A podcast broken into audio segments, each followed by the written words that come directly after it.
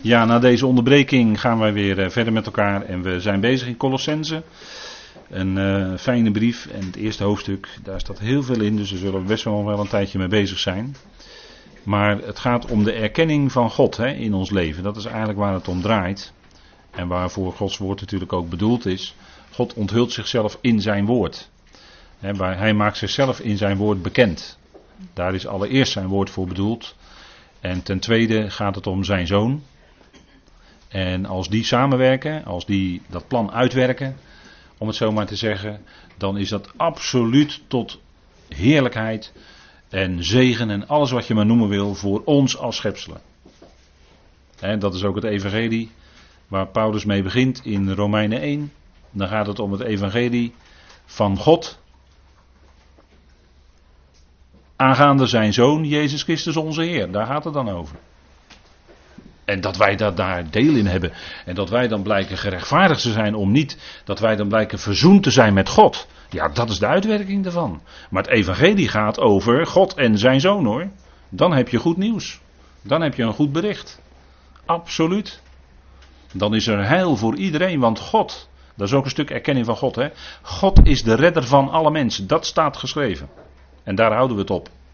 Ja, inzonderheid van de gelovigen, maar dat versterkt alleen maar de eerste deel van de zin hè? in 1 Timotheus 4. God is de redder van alle mensen, in zonderheid van de gelovigen. Er staat er malista, hè, allermeest van de gelovigen. Ja, dat versterkt dus dat God de redder van alle mensen is, als je dat zegt. En in de uitleg, weet ik wel, in de uitleg wordt het dan altijd afgezwakt. afgezwakt. Zo van ja, er staat allermeest van, van de gelovigen. Klopt, klopt, ja, allermeest van de gelovigen. Nu. Maar dat versterkt alleen maar het punt dat God de redder van alle mensen is. Want dat is hij. Dat is ook de prediking van Tenach. God is redder. Dat klinkt aan alle kanten in Tenach. Absoluut. Hij is de redder en verlosser van zijn volk. En dat die lijn gaat onverkort door als je leest in de Griekse schrift. Met de hoogste en diepste onthullingen bij Paulus natuurlijk. En je hebt de brieven van Paulus nodig en die bril moet je ook opzetten. En dan zie je de volle diepte van de hele schrift. want de brieven van Paulus is de top. En de Efezebrief is daar weer de top van. En als je door die bril kijkt, dan zie je de hele schrift in het juiste licht. En niet andersom. Je moet niet proberen vanuit de Hebreeuwse schrift de boodschap die Paulus brengt te gaan verstaan. alsof de Hebreeuwse schrift het volle licht geeft op de boodschap van Paulus. Nee, het is precies andersom. Het is precies andersom. De boodschap van Paulus kan niet zonder het fundament van de rest van de schrift. Dat is waar. Alleen door die bril zie je die hele schrift in het juiste licht. Zie je de volle diepte. Want Paulus kreeg toch echt het hoogste en het diepste onthuld. En het gaat niet om Paulus op een voetstuk te zetten, nogmaals. Nee, natuurlijk niet. Maar God gebruikt Paulus dan als instrument. Ja, goed, hij gebruikt die mens, had ook een ander kunnen kiezen. Maar hij gebruikte nou eenmaal Saulus van. Want die had het ergste verbruikt. Hij was de ergste van alle zondaren. Dus die kon het beste voorbeeld zijn van Gods genade. Ik ben de voornaamste van alle zondaren. Nou, als de voornaamste al gered is. dan is het toch een fluitje van een cent om de rest ook te redden, lijkt mij. Dat is toch een logisch argument, hè? Maar we hebben gewoon voldoende aan een statement. God is de redder van alle mensen. Dat geloven wij. Zo is dat. Dat is de waarheid. Dat staat daar. Daar hebben wij voldoende aan. En dat is natuurlijk een stuk erkenning van God. God wil dat alle mensen gered worden en tot erkenning van de waarheid komen. Die waarheid dat God werkelijk God is en dat hij ook in staat is om te doen wat hij heeft beloofd. En dat doet hij ook. dat is God. En als je dat kan aanvaarden als gelovige, ja, dan groei je in de erkenning van God. Dat je op een gegeven moment wel traditioneel bent grootgebracht, dat je echt wel gelooft in de Heer en het kruis en de opstanding. Maar als je dan deze dingen gaat horen en die dringen tot je door en je gaat het geloven, ja, dan wordt God vele malen groter voor je. Dat is een stuk erkenning van God in je leven. En dat is wat God geeft, want God geeft dan iedere mate van het geloof. We zijn in alles van Hem afhankelijk. Dus ook daarin, natuurlijk. Maar dat woord horen we en dat willen we horen, opdat dat groeit. En dan geeft God meer toedeling van geloof. En, en dat, dat, is, dat is fijn. Nou, erkenning van God, daar gaat het om. Hè? En daar, daar kun je natuurlijk heel veel voorbeelden van noemen in de schrift. Nebukadnezar, ik noem nog één voorbeeld. Nebukadnezar, die moest zeven tijden gras eten. En toen kwam hij tot erkenning van God. En toen loofde en prees hij God dat dat degene is, de God van de hemel, de God van Israël, dat dat degene is die koningen en regeringen aanstelt en afstelt. En dat erkende Nebukadnezar, dus hij erkende daarmee dat hij koning was van een wereldrijk, maar dat God hem daar had geplaatst. En niemand anders. Dat is erkenning. Dan erken je God. En dan ben je bij je volle verstand, ja. ja. En, en punt is dat als mensen dwaas zijn, en daarmee bedoelde natuurlijk absoluut niemand te disqualificeren, maar dat is wat de schrift zegt. De dwaas zegt in zijn hart, er is geen God. Dat is wat de schrift zegt in de psalmen. En als je tot erkenning komt, dan geeft God het licht van zijn woord in je. Dan gaat hij je verstand verlichten, dan gaat hij je hart verlichten, verlicht de ogen van het hart. Wat een geweldig kostbaar geschenk is dat. Dankt u God daar nog wel eens voor, voor die verlichte ogen van het hart die u heeft gekregen? Of is dat allemaal gewoon geworden? Ik hoop het niet. Hè? Maar danken, hem bewust daarvoor danken. En dan, als je groeit in die erkenning van God, dan zegt Paulus, dan worden we bekrachtigd hè, of krachtig gemaakt door de kracht van de Vader. En dat is een enorme kracht. Hè? We hebben het gelezen. Met alle kracht, vers 11, krachtig gemaakt. dus er wordt gesproken over kracht, dat is het woord wat wij kennen. Dynamiet, dynamisch en krachtig gemaakt. Dan, uh, dat is een werkwoord met een sterke, uh, met een sterke hoe moet ik dat nou zeggen? Met een sterke oorzakelijkheid erin. Dus een sterk dat, dat, dat het echt iets is wat God uitwerkt. dat, het, eh, dat het echt bij God vandaan komt, dat God daarin die kracht geeft. Krachtig gemaakt. In overeenstemming met de macht van zijn heerlijkheid, alsjeblieft. Paulus komt bijna woorden tekort. Hè? In overeenstemming met de macht van zijn heerlijkheid. En het woord macht, dat is een woord dat betekent dat je de volledige, ja, dat je, dat je de dingen in je hand hebt. dat al die krachten die spelen, dat je dat allemaal in jouw macht hebt. Dat is God, die beheerst alle krachten in zijn schepping. dat, is, dat is dat begrip macht. In overeenstemming met de macht van zijn heerlijkheid. Dat is die grote macht, die dus al die krachten in zijn hand heeft. En die komt voort, en dat heeft te maken met de heerlijkheid van God wat we dan tegen elkaar zeggen, dat God alle macht heeft. Dat hij uh, al-Shaddai is, dus dat hij ook de al-genoegzame is, wordt in de Hebreeuwse schrift gezegd. En dat wordt vertaald met eh, de almachtige. Maar dat is eigenlijk de al-genoegzame. Al-Shaddai, geweldige titel van God. Hè? En dat betekent dat hij voldoende vermogen heeft om zijn plannen tot uitvoer te brengen, om zijn beloften waar te maken, om die hele schepping te volvoeren naar zijn plan. En wat ik nu tegen u zeg in een paar woorden, dat is de heerlijkheid van God. Dit is de heerlijkheid van God.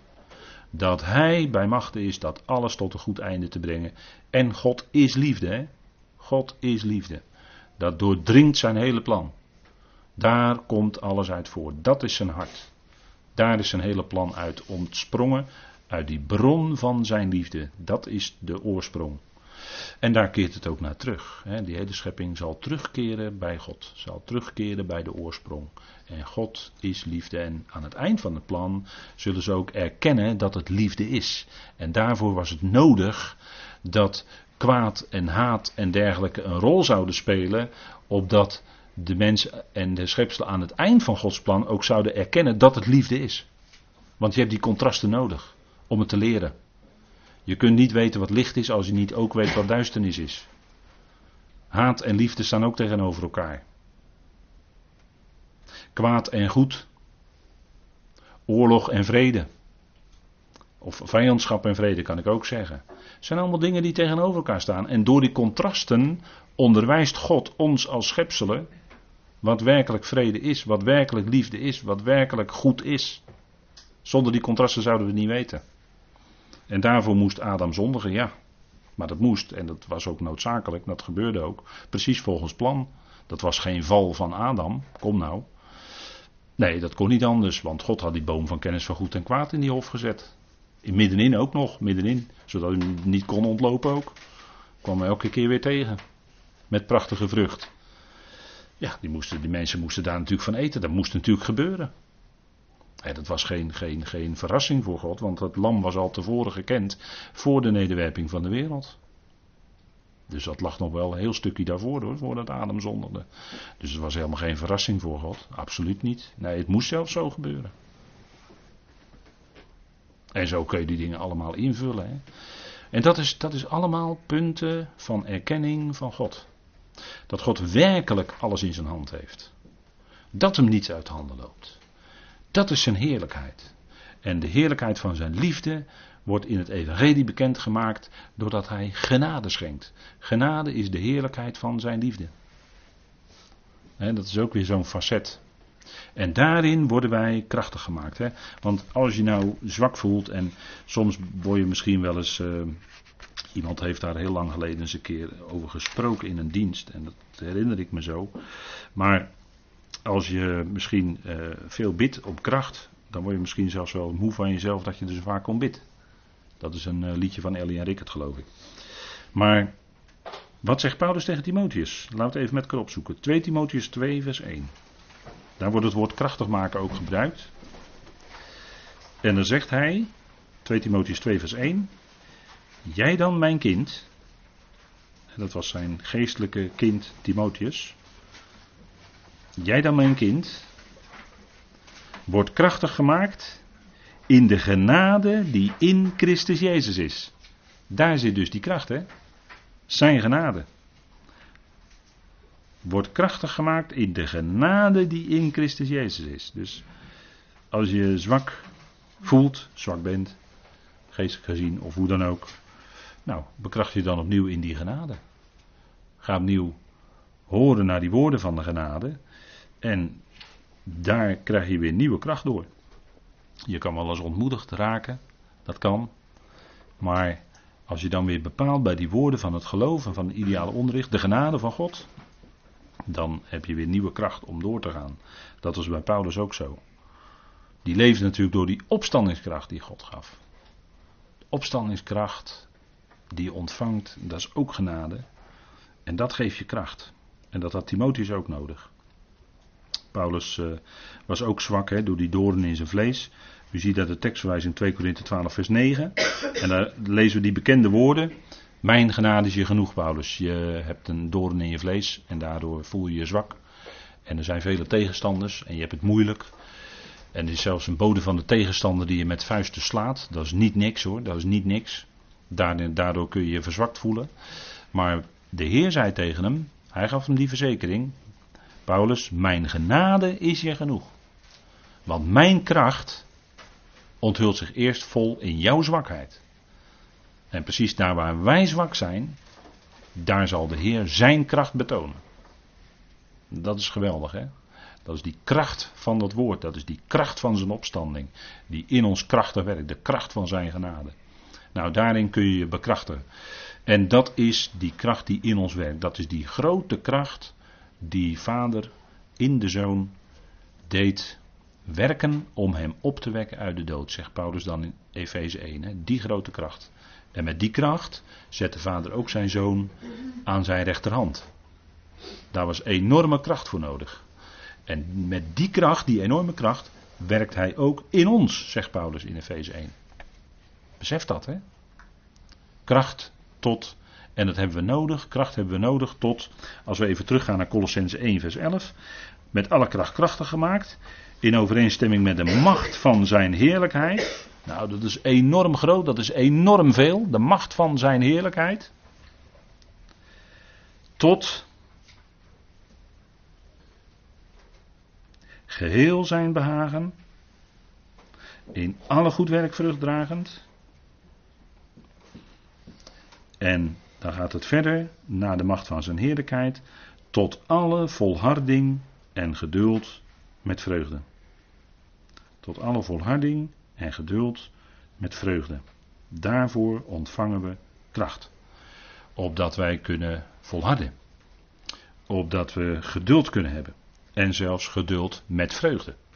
Dat is, uh, geduld is sowieso voor ons al moeilijk. Maar geduld met vreugde, ja, dan zeg je zo, dat is heel wat.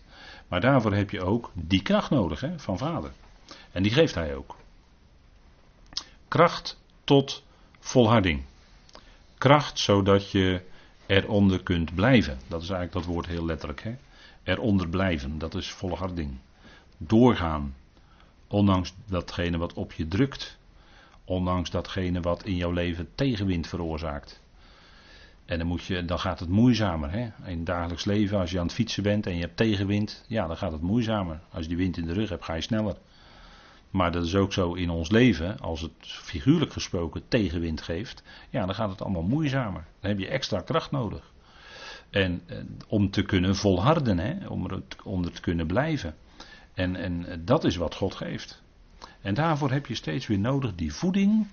Want als je eh, wat krachteloos bent, dan heb je voeding nodig. En soms als kleine babytjes onder de groeicurve blijven, dan hebben ze extra voeding nodig dan om, om weer op die goede groeicurve, op die goede groeilijn te kunnen komen. Hebben ze extra krachtvoer nodig.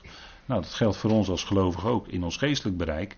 Wij tot volharding hebben we kracht nodig. En als het moeizaam is, dan, om ton, dan toch te volharden, ja, dan heb je die voeding nodig van, ja, van God.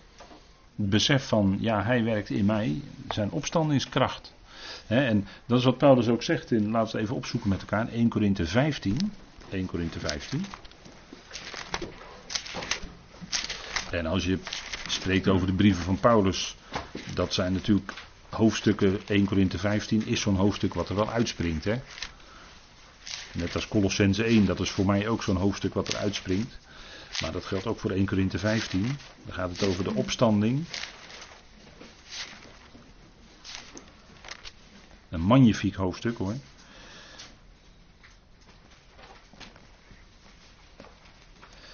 En vaak lezen we dan één losse tekst, vers 58. Maar laten we ook vers 57 erbij lezen. Dan krijgt vers 58 alweer een iets andere inhoud. Hè? Maar God zij dank, die ons de overwinning geeft door onze Heer Jezus Christus. En wat die overwinning, dat is natuurlijk dat hele hoofdstuk, die opstandingskracht, die opstanding. Daarom, mijn geliefde broeders, wees standvastig. En het moet je nagaan, dat zegt Paulus tegen de Corinthiërs. Hè? Daarom, mijn geliefde broeders, zegt hij tegen die gemeente, die dwars lag, enzovoort, enzovoort. En toch zegt hij, daarom, mijn geliefde broeders. Dus dat is, dat is nou typisch die liefde in Paulus, hè? die liefde van God. Wees standvastig, onwankelbaar, altijd overvloedig in het werk van de Heer. Het werk van de Heer. Hè? We hadden het over goede werken die God voorbereid heeft. Nou, het werk van de Heer. En we kunnen ook bezig zijn met onze eigen werken. Met onze eigen eigenzinnige wat we zelf willen. Nee, het gaat hier om het werk van de Heer. In de wetenschap dat uw inspanning niet te vergeefs is in de Heer. Nou, die, en, en natuurlijk, kijk, wat gaat er aan vooraf, vers 58. Vers 57. God zij dank. Wij danken God voor die overwinning die hij ons geeft. En die overwinning die is al behaald. Wij hoeven niet te overwinnen.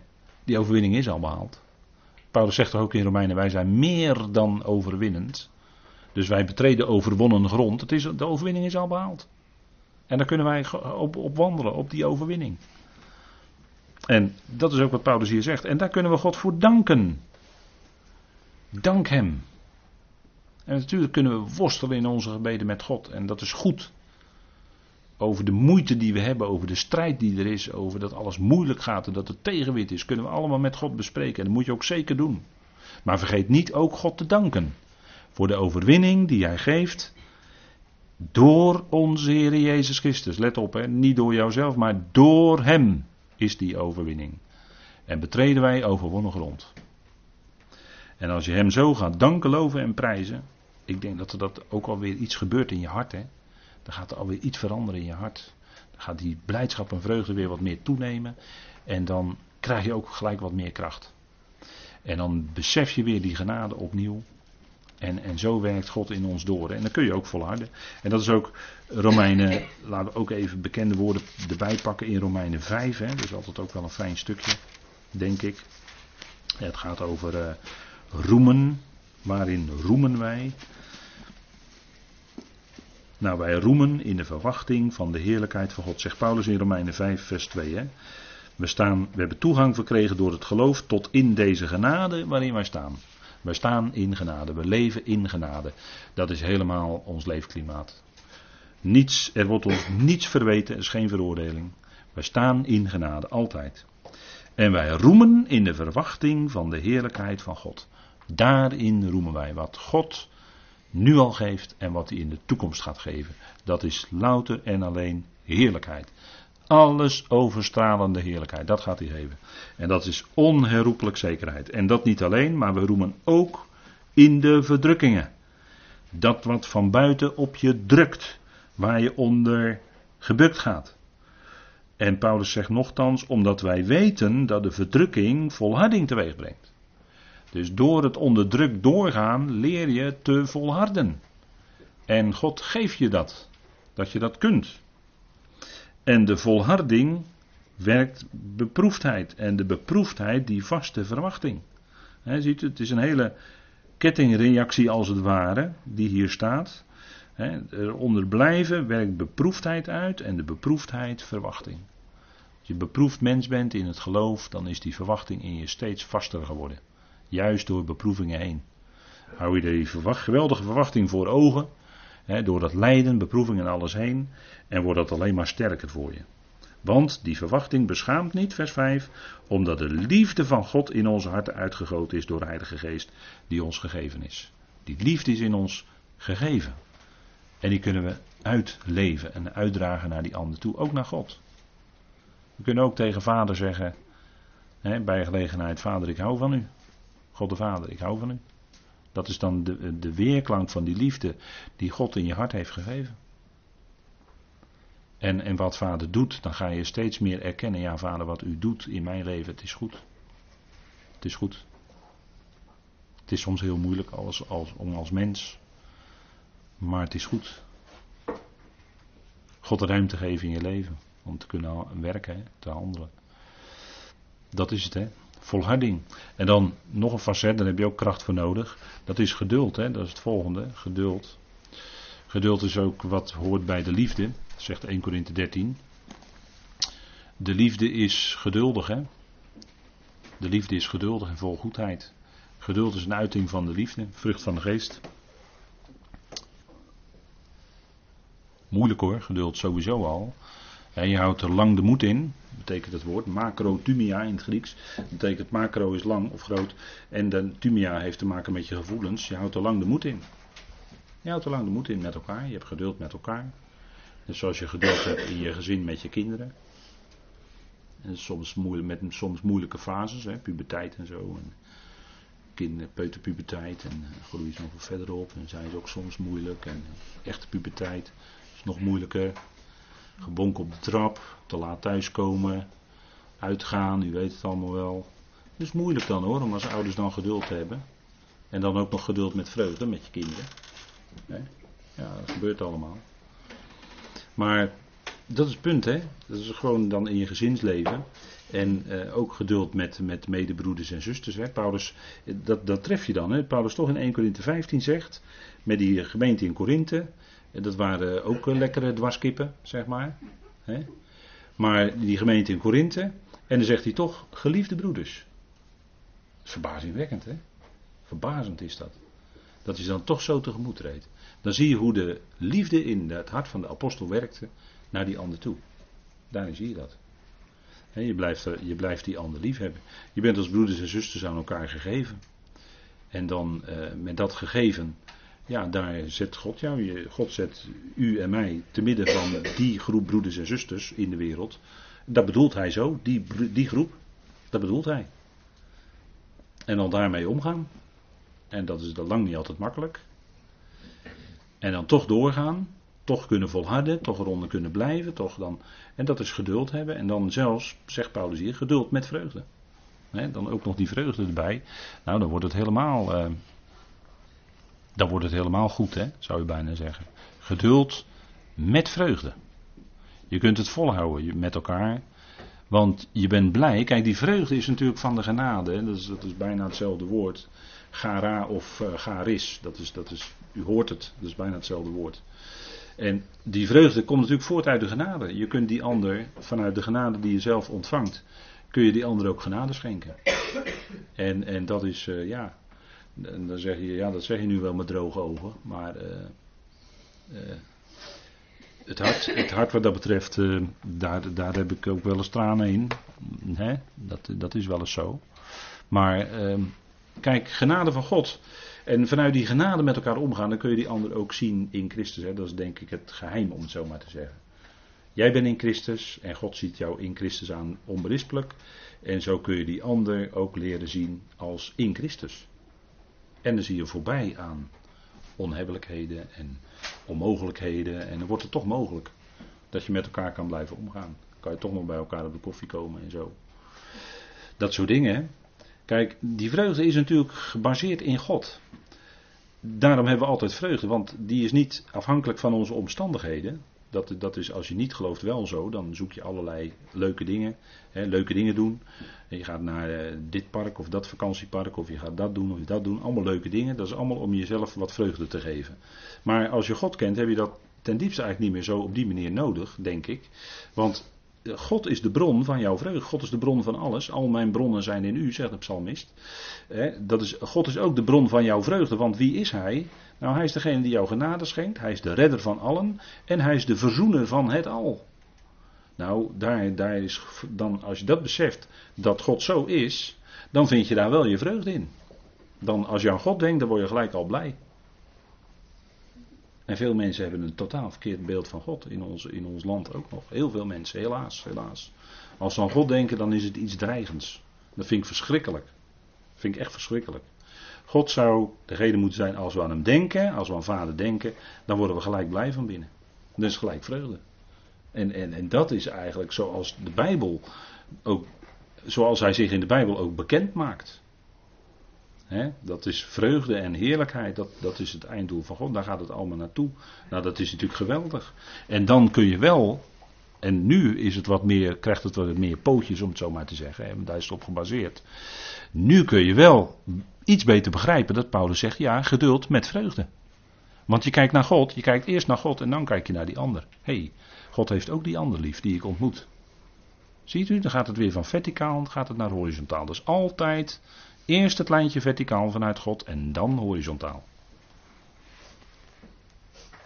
En dan slik ik nu een heleboel woorden in.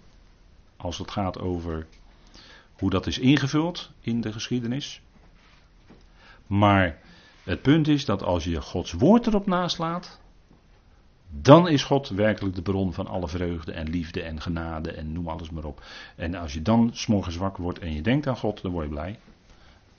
Dan ben je gelijk blij wakker. Ga je goed je dag in. Ondanks dat het misschien regent of mistig is. Maar God, hè? God is dan de bepalende factor. En factor is misschien een vervelend woord, maar God is dan de bepalende in ons leven. En dat is waar het allemaal om gaat. En dan kun je ook de vreugde van de psalmisten begrijpen, dan kun je de vreugde van Paulus begrijpen. En dan word je daar zelf ook blij mee. dat is wat we doen. En dan kunnen we eigenlijk wat Paulus ook doet, en daar sluit ik dan mee af. Dan kunnen we gelijktijdig de Vader danken. Geduld met vreugde en gelijktijdig de Vader danken. Want dat is de notitie die we steeds terugkeren, zien terugkeren bij Paulus. Wij danken Hem. Hè. Wij danken de God en Vader door onze Heer Jezus Christus. Voor alles in feite. Dus je kunt dagelijks Eucharistie vieren. Hè, het woord is Eucharisteo. Dus je kunt dagelijks in je innerlijk Eucharistie vieren door God te danken. dat is, uh, dan ben je los van alle tradities natuurlijk. Maar het gaat om Hem danken. Vader, danken. Laten we dat ook gaan doen. Tot zover.